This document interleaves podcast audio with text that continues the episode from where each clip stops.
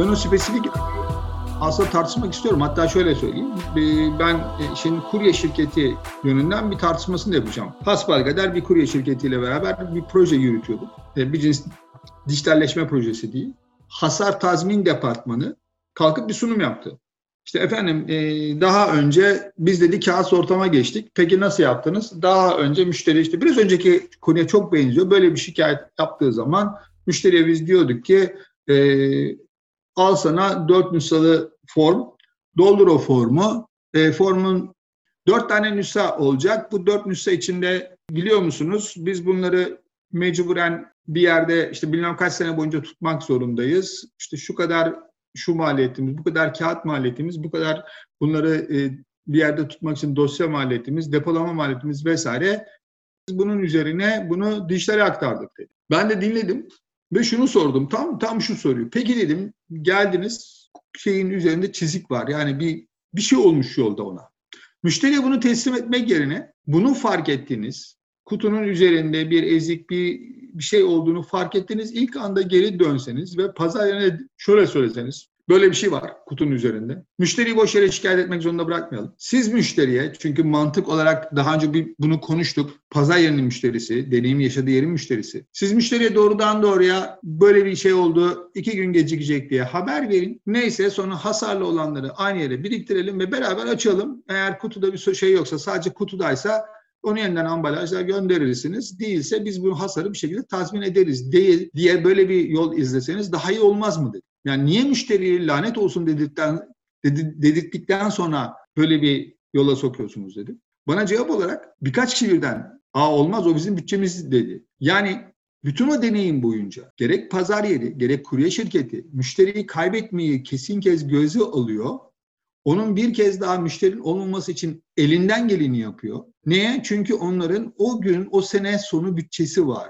Onun gelecek seneyle ilgili bir vizyonu yok aslında. Bundan dolayı aslında o söylediğin şeyin çok üzerinde duruyorum ve çok katılıyorum. Satış yaptığı anda deneyimin bittiğini zannediyor. Hani derslerde anlattığımız deneyim üründen büyüktür kavramı onlar da öyle değil. Ki hatta çok komik de gelmiştir. Böyle çok sıkı bir tepki oldu. Niye? Çünkü hasar tazmin departmanı da operasyona bağlı. Kalite kontrole bağlı değil, pazarlamaya bağlı değil.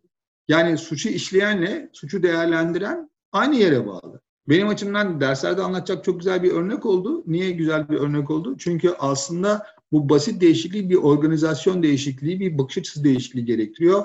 Bir, bir de şunu konuşalım mı? Bütün bu sürece biz metodolojik olarak nasıl yaklaşıyoruz? Yani müşteri deneyimi yol haritasını çizerken bizim başlıklarımız farkındalıkla başlıyoruz. Araştırma araştırma aşamasına geçiyor.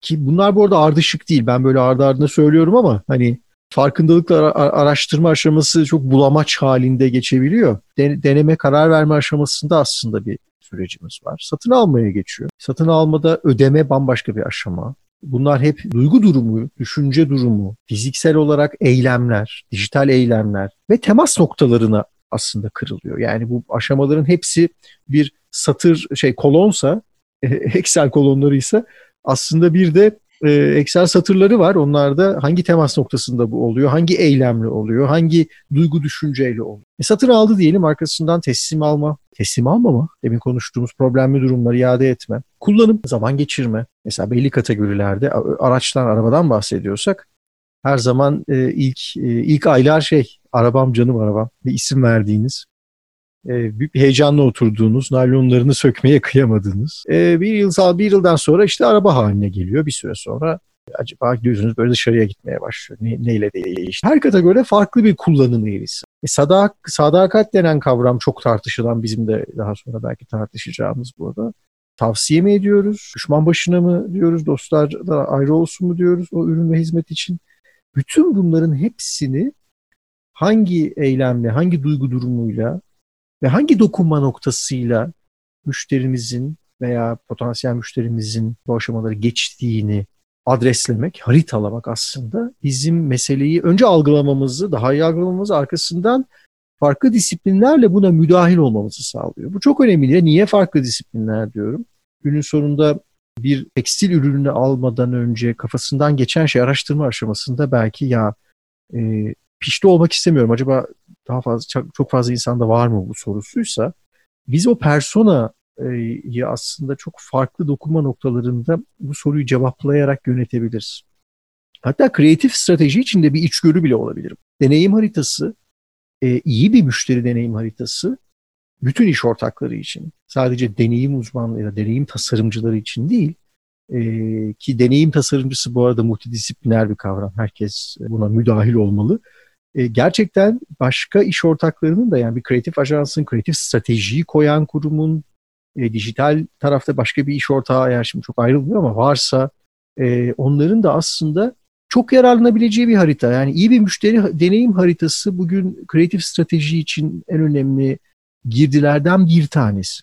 İçgörü madeni bir yerden sonra.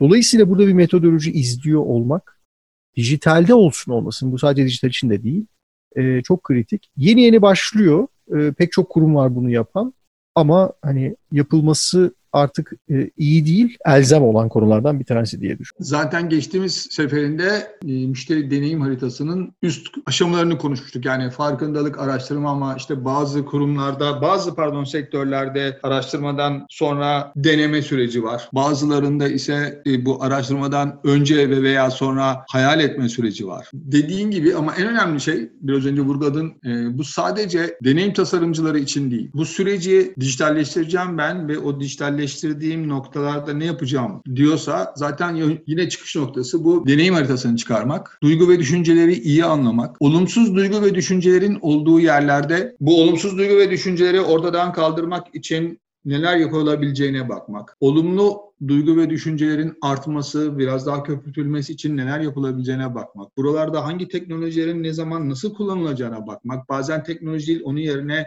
doğrudan insan teması gerekiyorsa o insan temasının nerede nasıl olması gerektiğine karar vermek. Ki bunun burada bir altını özellikle çiziyorum. Dünyanın en teknolojiye yatırım yapmış kurumlarından bir tanesi. İlla bir insanla görüşeceğim dersen 45 e, saniye ile 1,5 dakika arasında insana ulaşabiliyorsun ve gerçek insana ulaşabiliyorsun. Yani chat bottan bahsetmiyorum. Gerçek insandan bahsediyorum. E demek ki müşteri deneyim haritası inanılmaz detaylı hazırlanmış. Müşterinin e, mutsuz olabileceği anlar iyi tasarlanmış ve bu anlarda evet illa bir insan sesi duymak istiyorsa ne yapacağına karar ver.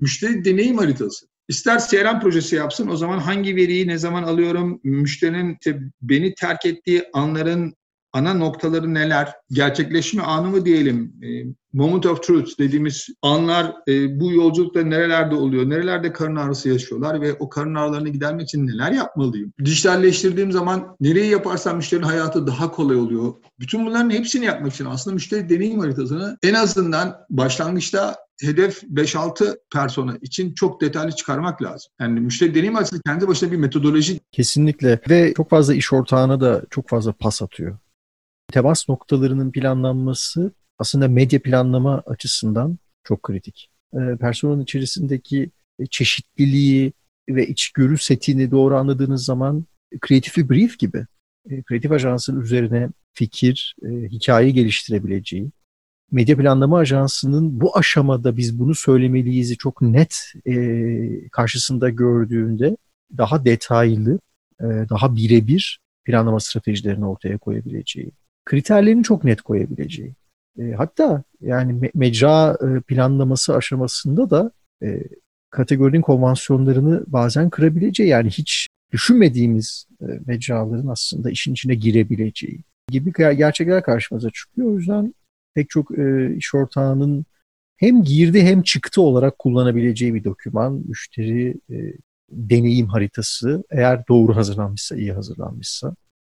Evet müşteri deneyim haritası her türlü paydaşların neler yapması gerektiği, neler yapmaması gerektiği ve ne yaparlarsa o firmanın, müşterisinin yolculuğunun gerçekten sürtünmesiz ve sürekli olabileceğini ortaya koyan, ortaya çıkartan bir harita. Bir kurumun en önemli e, yolculuk aracı diye düşünüyorum.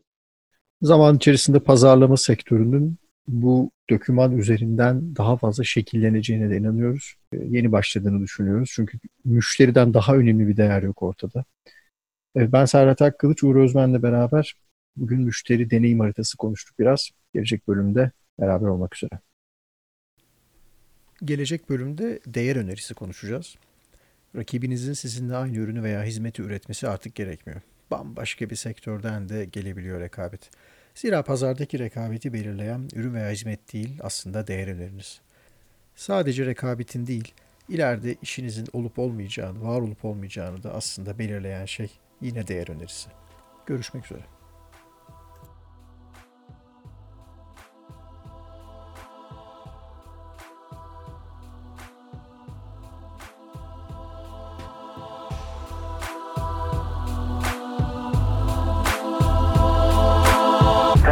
baby.